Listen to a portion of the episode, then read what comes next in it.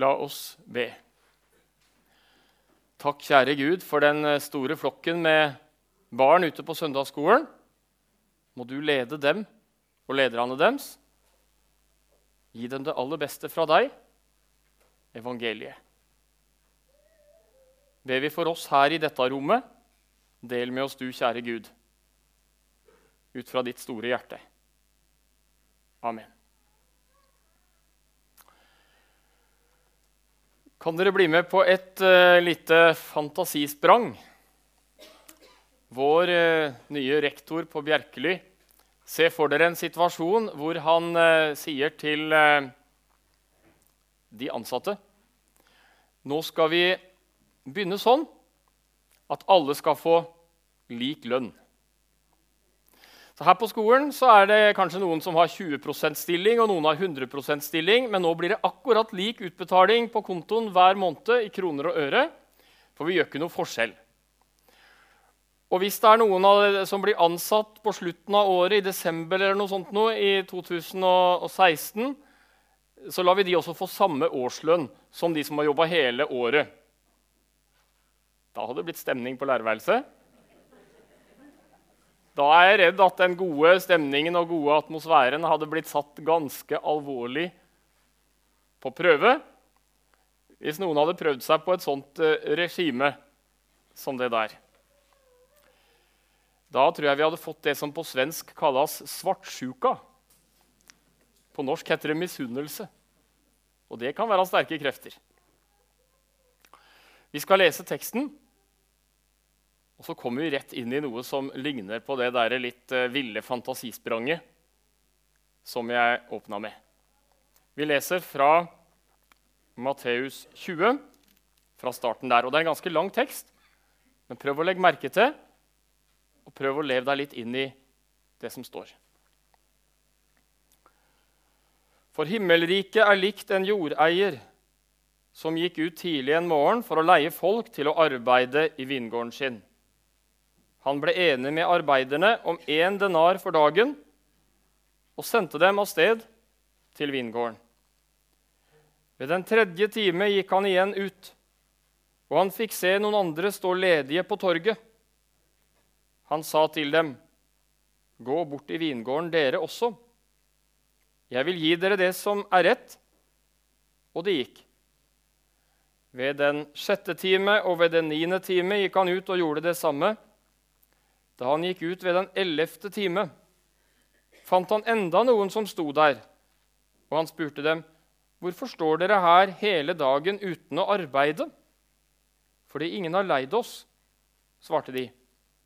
Han sa til dem, 'Gå bort i vingården, dere også.' Da kvelden kom, sa eieren av vingården til forvalteren, 'Rop inn arbeiderne og la dem få lønnen sin.' Begynn med de siste og gå videre til de første. De som var leid ved den ellevte time, kom da og fikk én denar hver.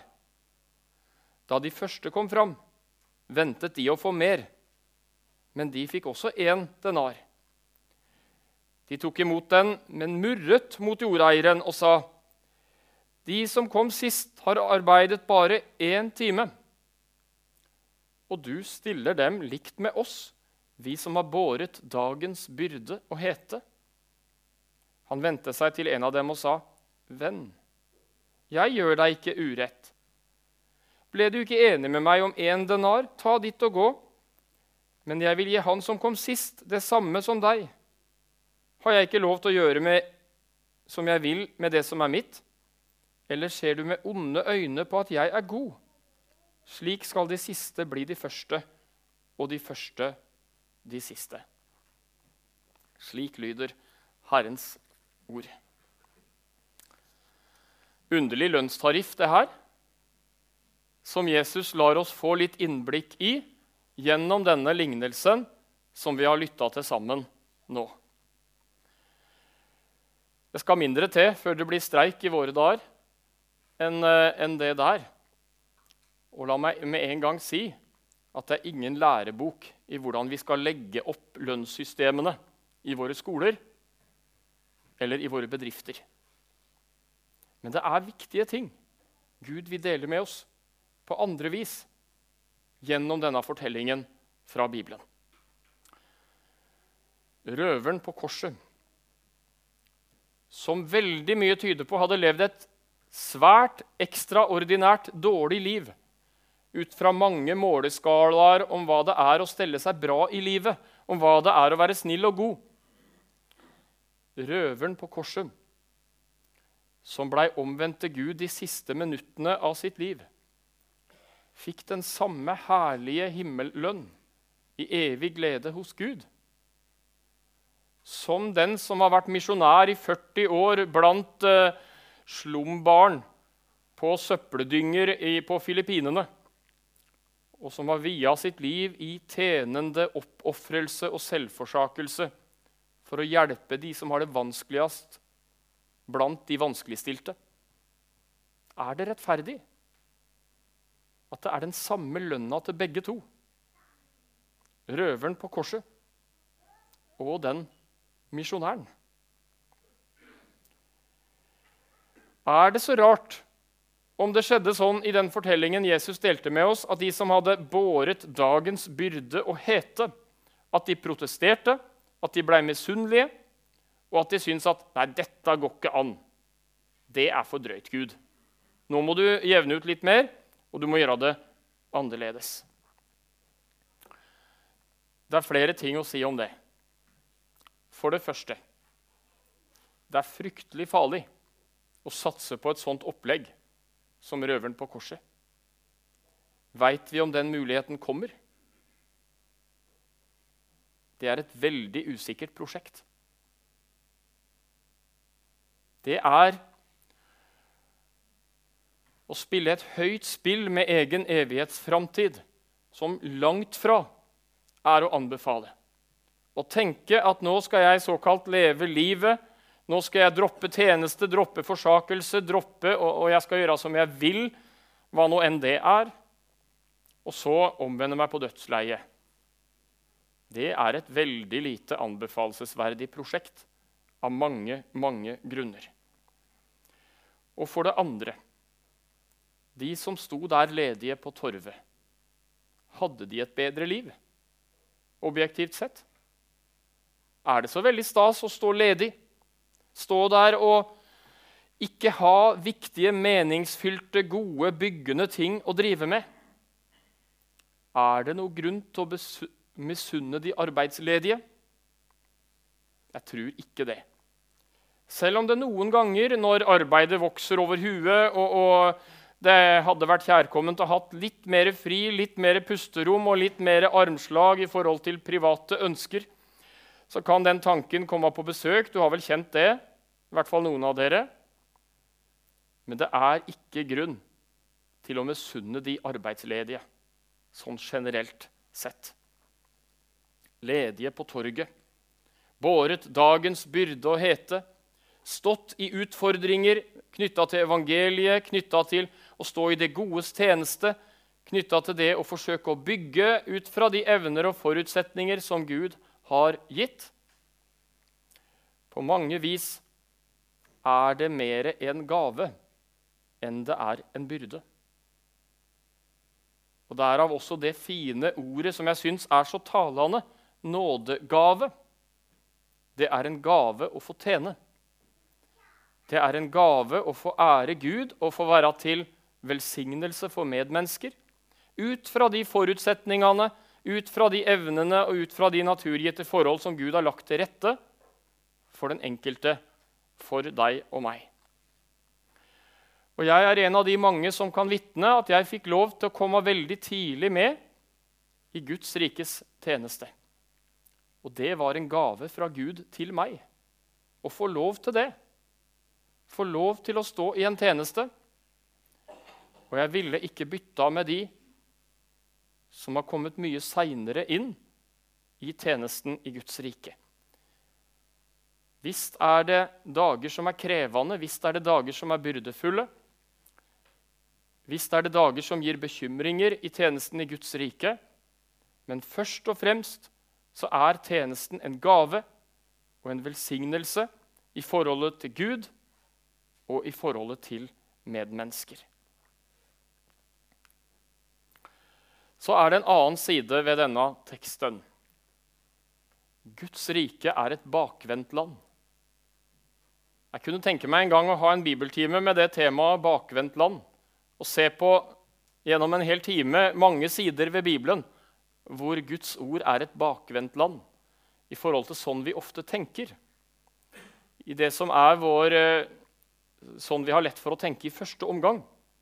Ut fra våre naturlige, menneskelige resonnementer. Lønnssystemet. Det lønnssystemet som i første omgang var egnet til å provosere og til å gi næring for svartsjukan, det er noe befriende. Det er noe befriende. For i Guds rike så er det noen tjenester som er veldig synlige.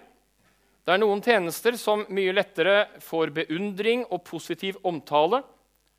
Og så er det mange omfattende tjenester som omtrent ikke syns i det hele tatt, og som mange knapt veit at skjer. Det er den ene grunnen til at det er veldig bra å ikke skulle ha noen menneskegjorte lønnssystemer på denne greia.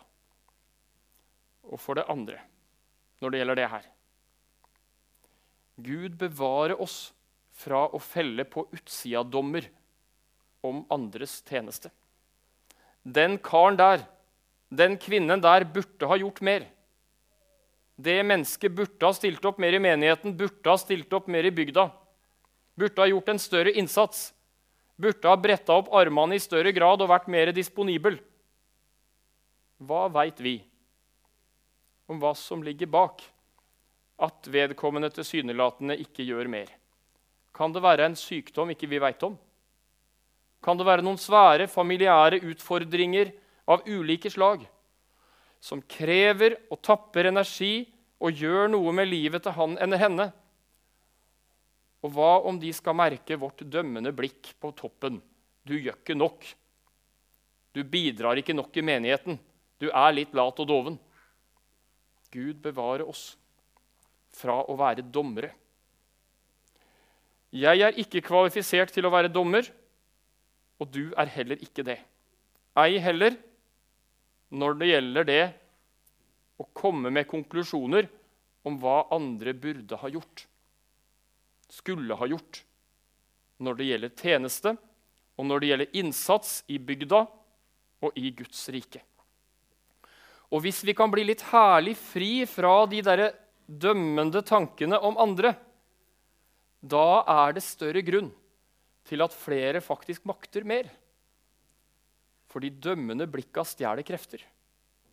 De dømmende blikka stjeler energi som kunne ha blitt brukt til noe mye mer byggende i et lokalsamfunn og i en menighet. Så det er noe av denne gode, gode rausheten som Jesus kan hjelpe oss med og hjelpe oss til gjennom denne i første omgang provoserende lønnstariffen i Guds rike. Så har jeg lyst til at vi skal ta en tur eh, til versa rett før vingårdslignelsen. Der står det om en sympatisk ung mann. Han eh, blei nok beundra av mange. Kunne vi bare hatt flere sånne ungdommer, da hadde det vært enda bedre. Han var nøye med å kontrollere seg sjøl. Han var disiplinert, han var kontrollert, han var ryddig. Han var ordentlig som bare det. Og han visste litt for godt om det sjøl. Og så kommer han til Jesus. Hva skal jeg gjøre for å arve evig liv? Han var spora inn på den frekvensen som handla om gjøre, som handla om tjeneste, som handla om innsats, som handla om å være flink, og hadde sin identitet i det å prestere og i det å få til og i det å være flink. Og så gikk Jesus tilsynelatende bedømt fra utsida, brutalt, hardhendt til verks. For her var det noe som måtte smadres. Og denne flotte, unge mann måtte lære av den harde veien at Guds rike er ikke et klatrerike. Det er ikke en sånn elitedivisjonsklubb hvor vi skal bruke albuer og knær til å skubbe hverandre og se hvem som er best og flinkest og øverst på rangstigen. men det er et nåderike. Det er et bakvendt land. Hvor den som ytre bedømt og lettvint bedømt og overfladisk bedømt nesten ikke gjør noen ting, kan være den viktigste brikken i Guds vidunderlige puslespill. I Guds gjerning, i det å bygge sitt rike i våre bygder og i sine menigheter. Et bakvendt land. Den unge mannen måtte lære at du kan ikke fikse frelsen sjøl, men det handler om nåde. Fått det for ingenting. Gi det videre for ingenting. Ofte best når det gjøres i stillhet uten å hause opp egne gaver, egne gjerninger, egen tjeneste. Ikke sette de som får hjelp, i forlegenhet ved å lage så masse vesen ut av hva vi som menighet gjør. Men allikevel være der og gå sammen med folk som har det vanskelig og tungt, og bidra til at noen byrder blir litt mindre tunge å bære. Et bakvendt land, et nåderike, og samtidig ikke en oppfordring til latskap og dovenskap. Ikke en oppfordring til å dyrke egoismen og våre egne private hjemmeinteresser på en sånn måte at Guds rike og Guds vilje og Guds formaninger til å være et tjenende fellesskap der vi bor, at det skal settes på hylla. Det er naturligvis ikke det som er hensikten. For det står en god del om tjeneste i Bibelen. Og Bibelen vil minne oss om Bilen vår er et gudslån. Det er ikke bare min bil. Men det er godt om det er en stadig bønn. Er det noen som ikke har bil? Er det noen som av en eller annen helsemessig grunn ikke kan kjøre bil, som den bilen på en måte tilhører like mye? Rett forstått. Bilen er et gudslån og skal stå i det godes tjeneste. Og da har vi mer glede av bilen sjøl også, tror jeg med den holdningen og den grunninnstillingen til det vi kaller vårt. Og hvor vi står skulder ved skulder, og hvor det vi regner som vårt eget, det vi regner å ha eiendomsrett til, på mange måter i noen grad er et litt sånn felleseie. Kallet til tjeneste går ut fordi nøden er stor, også i vårt rike Norge så er nøden stor.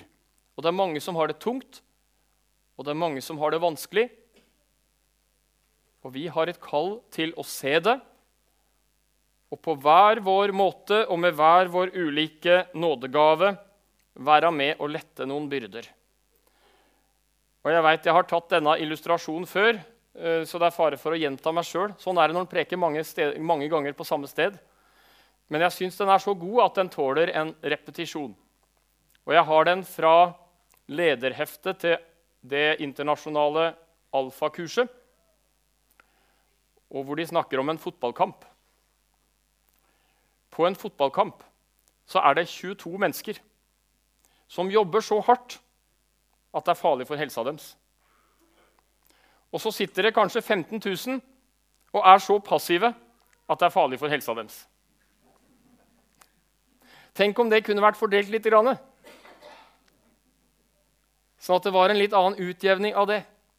Og jeg syns eksempelet er illustrerende for sånn det lett blir i en del menigheter. Det er noen tapre tinnsoldater som ofte jobber så hardt at det er farlig både for den fysiske, mentale og åndelige helse. Og så er det en del som med fordel kunne ha jobba litt mer og har godt av det både for helsa på alle plan, egentlig. Og få jevna det litt ut. Og igjen så er ikke dette for å punktere det jeg allerede har sagt, om at vi skal ikke gå og dømme noen. Vi skal ikke gå og tenke om noen enkeltpersoner. Du burde jammen ha godt, gjort noe mer. Nå må du jammen se og skjerpe deg. Dette her går ikke an, dovenmenneske. Sånn skal vi ikke tenke om noen. Det har vi ikke rett til. Det har vi ikke forutsetning for. Og når dette med fotballkampen sies, som en sånn treffende på spissen illustrasjon, så er det for at vi ikke skal bruke den til å anvende den på andre, men at vi skal ta det med innenfor Guds ansikt på oss sjøl. Er det noe jeg kunne få gå inn i og få kjenne tjenesteglede ved, og få avlaste noen av de 22. Og samtidig vinne på det sjøl. For det er en gave å få lov å tjene. Det er en gave å få lov å stå i det godes tjeneste for skolen vår, for kirken vår og for de bygdene eller den byen som vi bor i.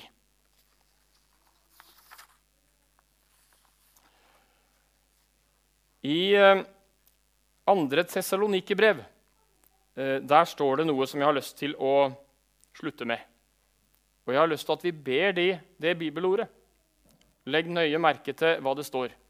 Det står noe om lyst. For tett på Den hellige ånd så kan Den hellige ånd gi oss litt mer lyst til tjeneste. Litt mer lyst til det som gjør godt for andre og som er med å fremme det gode og begrenser noe av det som er syndens frukter. Andre Tessalonikerne 1. Vi ber. Derfor ber vi også alltid for dere at vår Gud må akte dere verdige for sitt kall, og at han må fylle dere med lyst til det gode.